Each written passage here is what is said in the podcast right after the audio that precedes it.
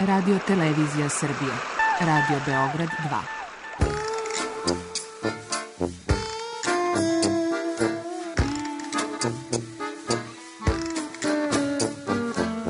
Rekli su mi, gospodine, vi ste promašili temu. Pa ja sam onda promašio život. I ne znam šta će da bude sam. Kaže, ja ne mogu više te čuvam. Šta da ti radi, kaže, snađi se kako znaš. Mi smo kao u kafesu. Za nas to je najmrtvo. To je mrtvo za nas. Naročito. I ja bih želela neko da me usvoji. To bih želela. Govori da bih te video. Program dokumentarnog zvuka.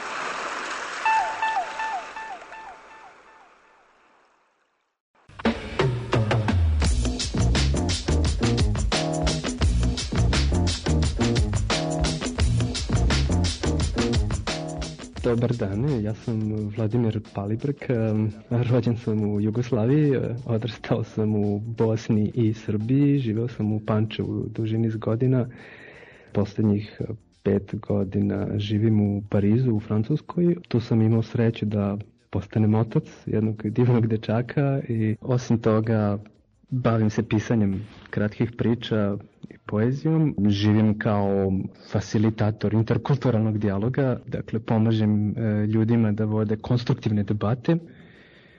Zapravo ovaj grad je ovde za mene jedan beskrajan izvor inspiracije i neke uh, kreativne stimulacije. Veoma sam zahvalan za to iskustvo što sam ovde, jer ovde sam se nekako sreo sa životom lice u lice zaista i sa samim sobom. Uh, Uspeo sam da nestanem, da umrem i da se ponovo rodim na neki način. Um, ono o čemu bih želeo da govorim je zapravo moje iskustvo koje je počelo u septembru 2019. godine. Pridružio sam se grupi prijatelja koja je e, živela u jednoj kući na periferiji Pariza, u jednoj vrsti alternativne zajednice. Dakle, to je kuća u kojoj je umrla jedna starica pre nekoliko godina i kuća je ostala zapečaćena od tada i dve hrabre devojke su skvotirale tu kuću zapravo. Kada su tu ušli, kuća je bila napunjena smećem od e, poda do plafona i to je bilo smeće koje datira iz poslednjih 30 godina zapravo i samo je između tog smeća postojao tunel kroz koji se moglo proći od jedne prostorije do druge. Osoba koja je tu živela i provela svoje poslednje dane je zapravo patila od neke vrste reuma, e, reumatskih bolesti i nije mogla da se kreće, nije mogla da izlazi iz kuće i samo je nagomilavala te otpadke koji su zapravo stizali, njoj su namirnice stizale specijalnim isporukama i ovaj, niko se nije brinuo o njoj. Sad zašto pričamo samo o tome? Moji prijatelji, odnosno moje prijateljice koje su skvotirale tu kuću su od samog početka nekako primenile neku vrstu holističkog pristupa tome Osetile su prisustvo te osobe i odlučile su da nastave da žive sa njom. Oni su očistili tu kuću, saznale su dosta toga o životu te osobe, čak su u jednom momentu posetili medijuma i uspostavili kontakt sa duhom te osobe, što je mene dosta nekako zaintrigiralo i privuklo. E, ta kuća je pretvorena u neku vrstu nečega što bi se moglo nazvati housing project. E, u nekim eh, kontekstima. Dakle, dve devojke su živele u, nju, u, u njoj, e, imali su izložbeni prostor i organizovali su kratkotrajne rezidencijalne boravke za umetnike. Tako sam se i ja tu našao kao umetnik u kratkotrajnoj rezidenciji, međutim, kako su se stvari razvijale, odlučio sam da ostanem tamo, bio sam dobrodošao i imao sam priliku zapravo da pratim poslednjih godinu dana postojanja tog projekta.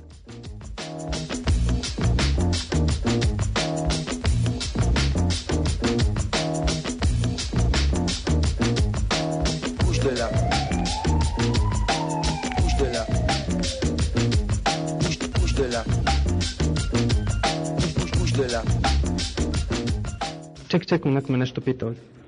Ah, it's fine, actually, I think I don't need the phone. I'm doing like you see I have this microphone and I put this over my head so E, dakle ne treba nam telefon, a?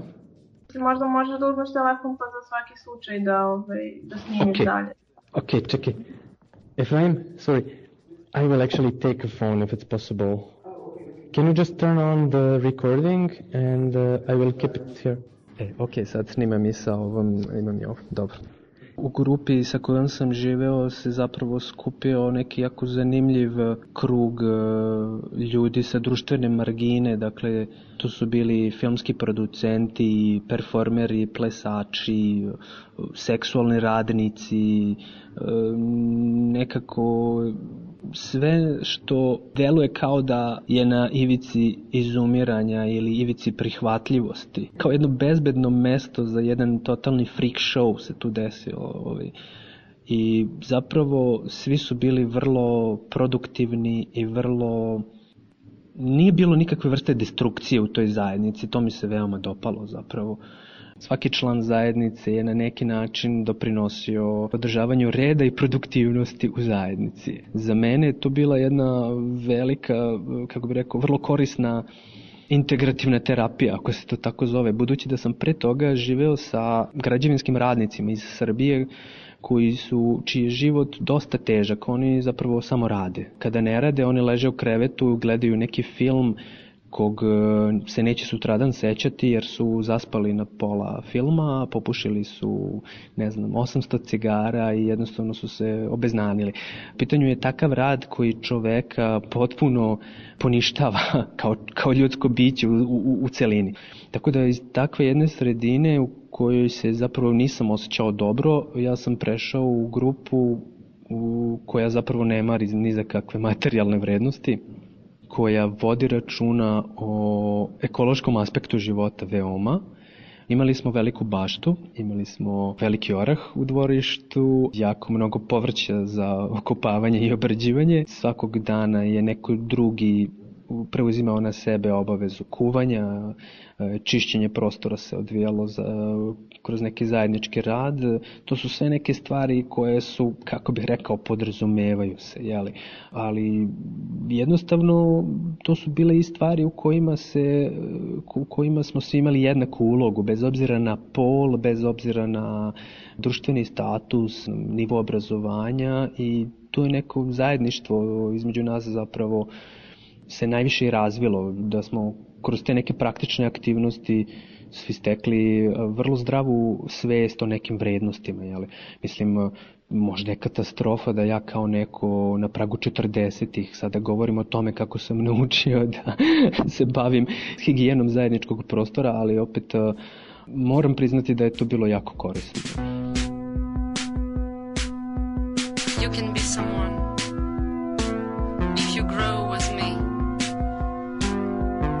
simple song is something else. You simulated your love for me.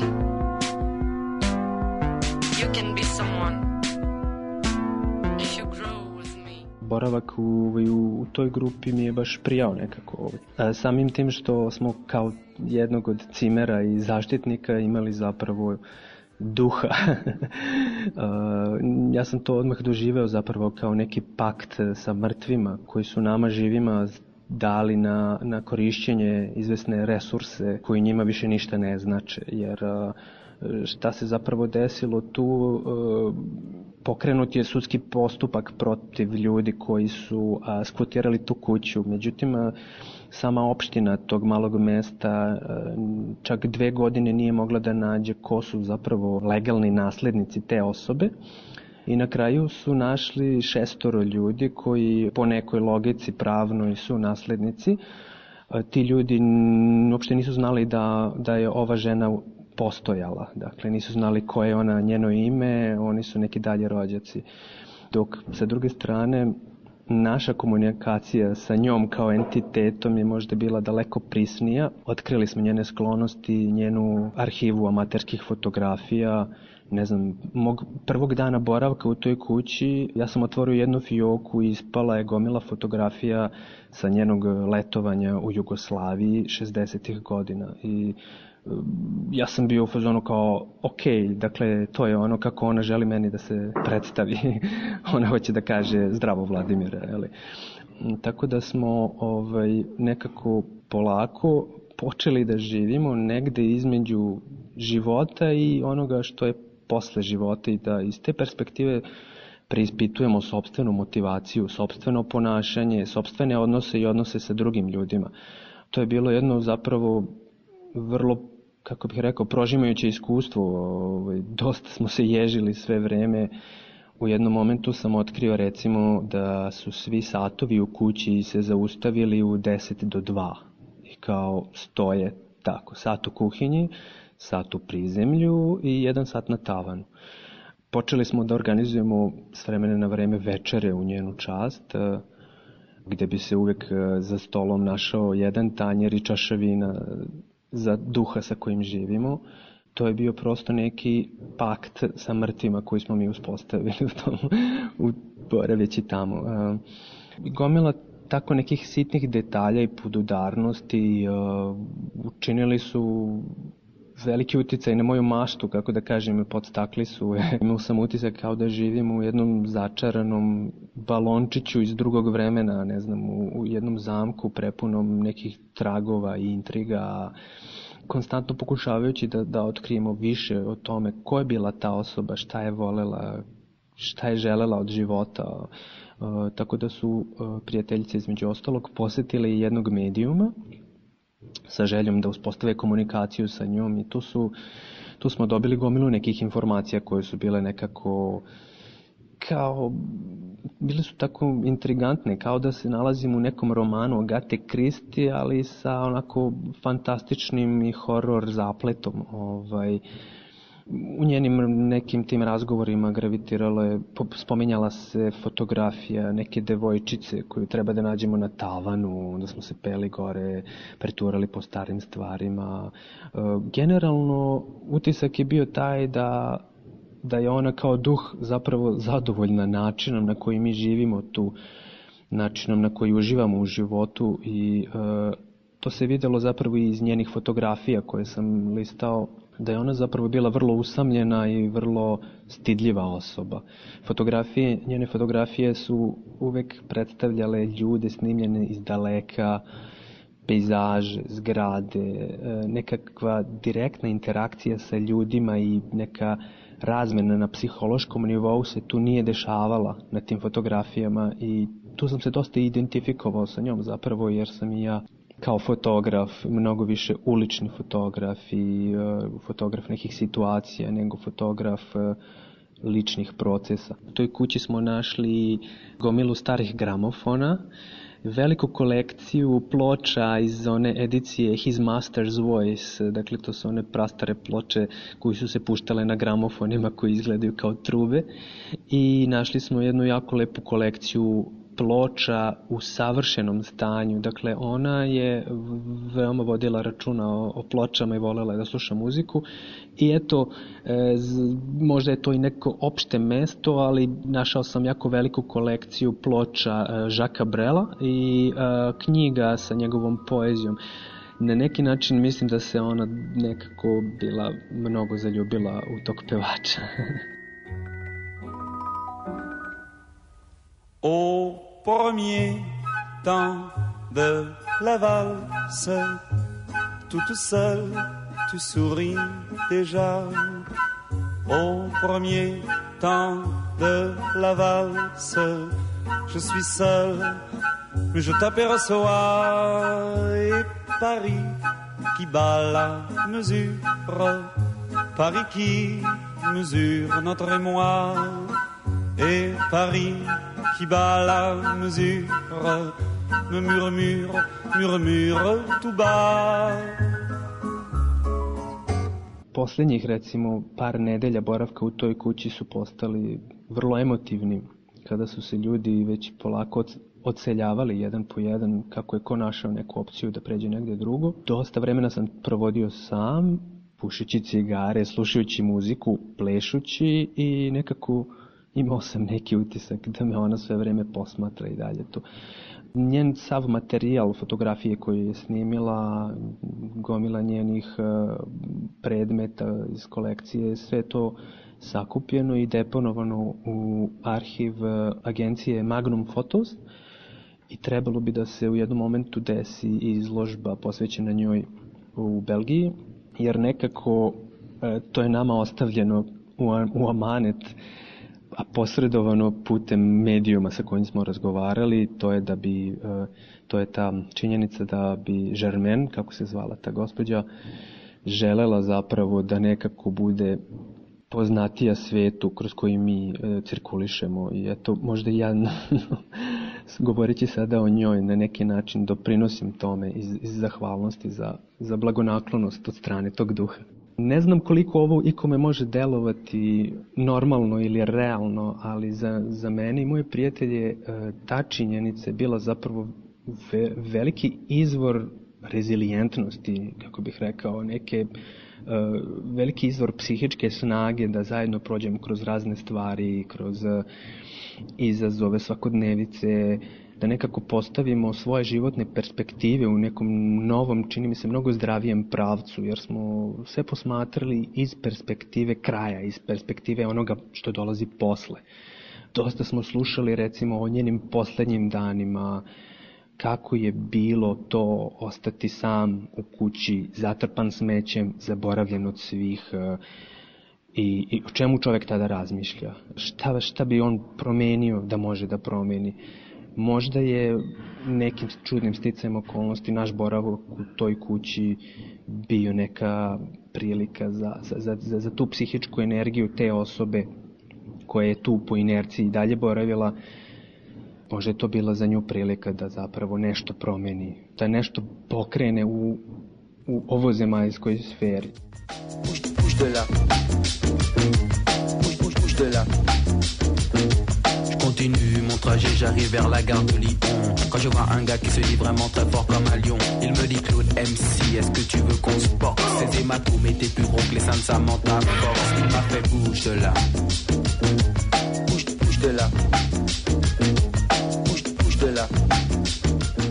Kuća se zatvorila, odnosno prestala da postoji u tom obliku kao, kao ta zajednica negde početkom marta, kada smo dobili nalog za iseljenje i vrlo brzo smo svi prešli u jednu drugu zgradu koja se nalazi na jugu Pariza. Kao to je bila, bila ideja da ćemo tu ostati privremeno nas troje četvoro iz, iz te originalne grupe. E, moram još nešto da kažem, zapravo iskustvo boravka u toj kući kod gospođe Žermen je uticalo zapravo na mnogo jaču povezanost nas kao članova grupe.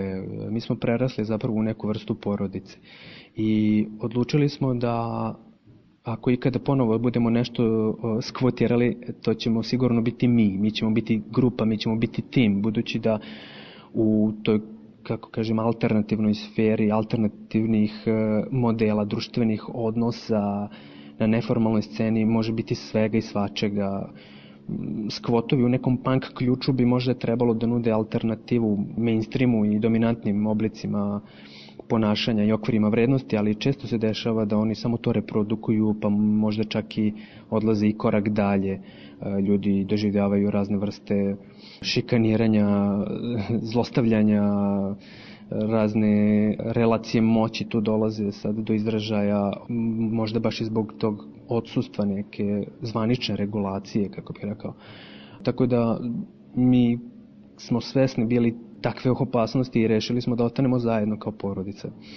I dakle, privremeno smo prešli u jednu zgradu e, na jugu Pariza koju je otvorila grupa vandalskih umetnika iz 90-ih. E, dakle, to je grupa grafiti umetnika koja se sredinom 90-ih skupljala na tajnim sastancima negde tipa oko Gare de l'Est stanice i onda bi krenuli tako njih 40 da hodaju gradom i da šaraju sve što stignu kao jedno pravo vandalsko pleme i još uvek su aktivni. Do duše danas mnogo više rade na platnima i na objektima i to prodaju za neki dobar novac nego što ovaj, oslikavaju zidove na ulicama, ali njihovi tagovi se i dalje mogu naći ovaj, na svim bitnim mestima po gradu.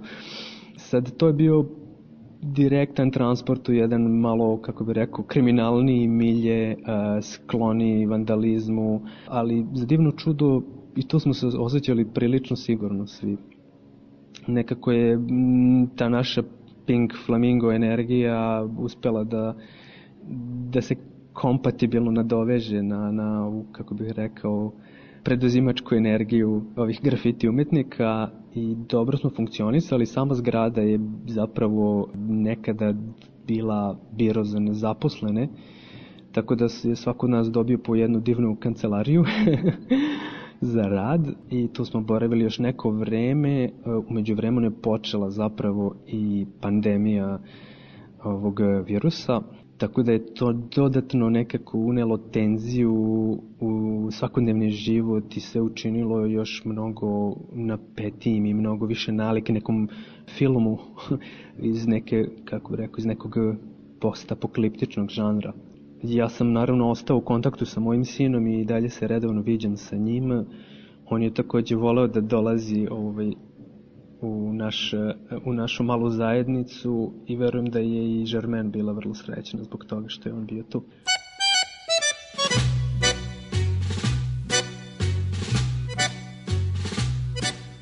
Le cœur bien au chaud, les yeux dans la bière, chez la grosse Adrienne de mon talent.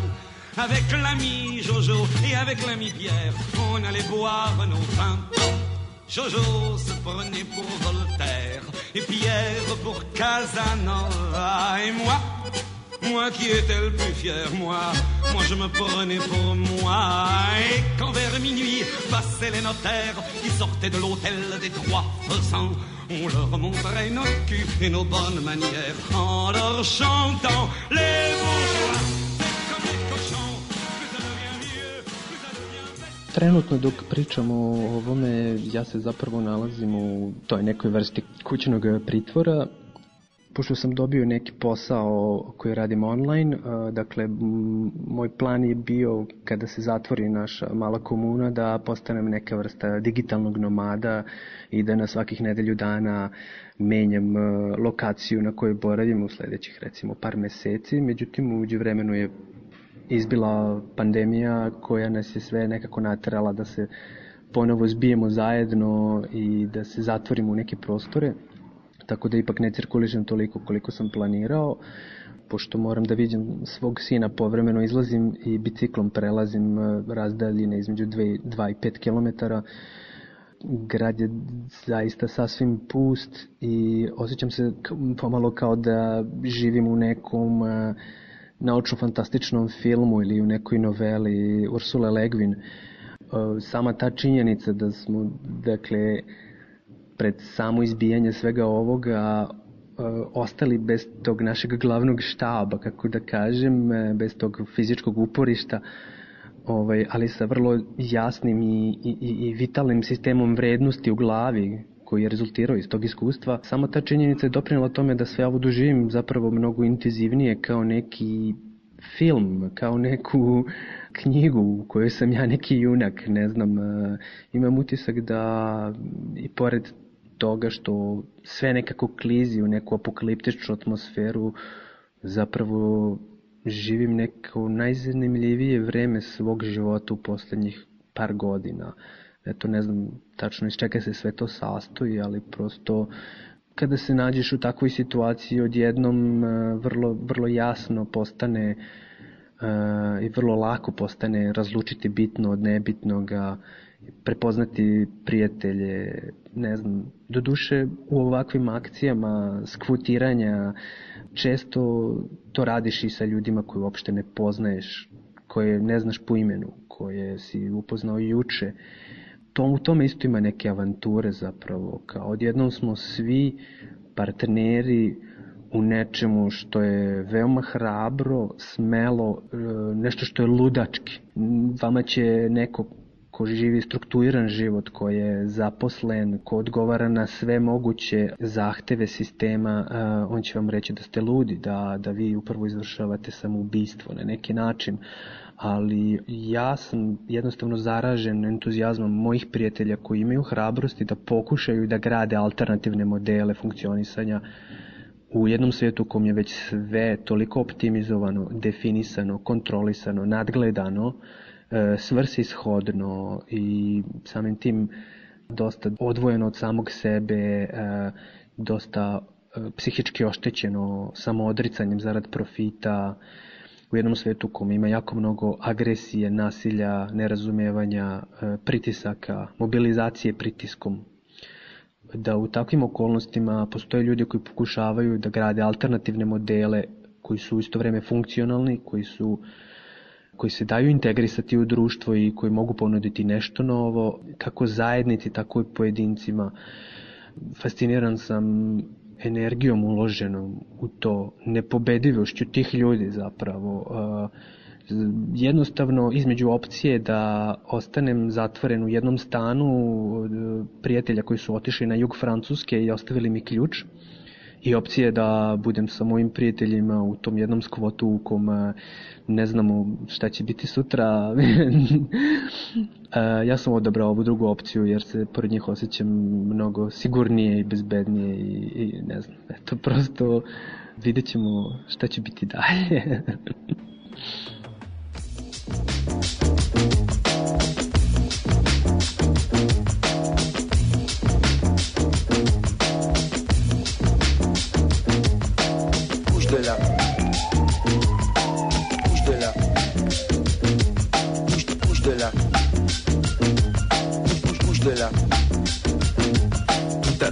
là-bas dans la ville qu'on appelle Maison Alfort. Quand je vois une Fatma chelou qui fait vibrer son corps, elle me dit MC Solar, viens là que je te donne du réconfort. J'ai dit non merci, c'est très gentil, mais je ne mange pas de corps. Elle m'a fait bouge de là.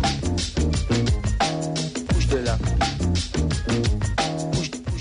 Čuli ste reportažu doživlja i Vladimira Palibrka na parijskoj skvoterskoj sceni. Govorio Vladimir Palibrk. Autor Milena Radić. MC, est-ce que tu veux qu'on se porte Ces hématomes étaient plus gros que les seins de Samantha Fox Il m'a fait bouge de là. Bouge, bouge de là. Bouge, bouge de là. Bouge, bouge, bouge de là. Ma voisine de palier, elle s'appelle Cassandre. Elle a un petit chien qu'elle appelle Alexandre. Elle me dit Florenci, est-ce que tu peux descendre? J'ai pris mon magnum, j'ai du mal comprendre. Elle m'a fait bouge de là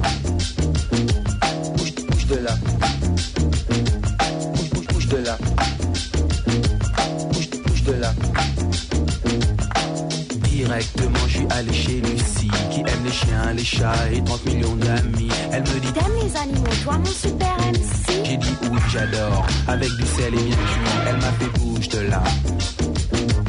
Bouge, bouge de là. Bouge, bouge de là.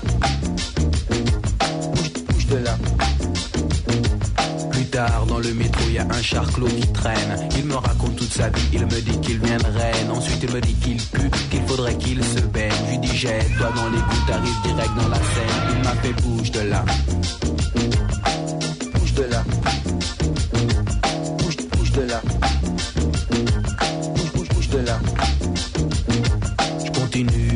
J'arrive sur le boulevard Barbès. Quand je vois un de mes amis qui venait de Marrakech, il me dit Arwa, Arwa, je t'achète tes rap en. J'ai dit non, je veux des dollars car on m'appelle Solar. Il m'a fait bouge de là.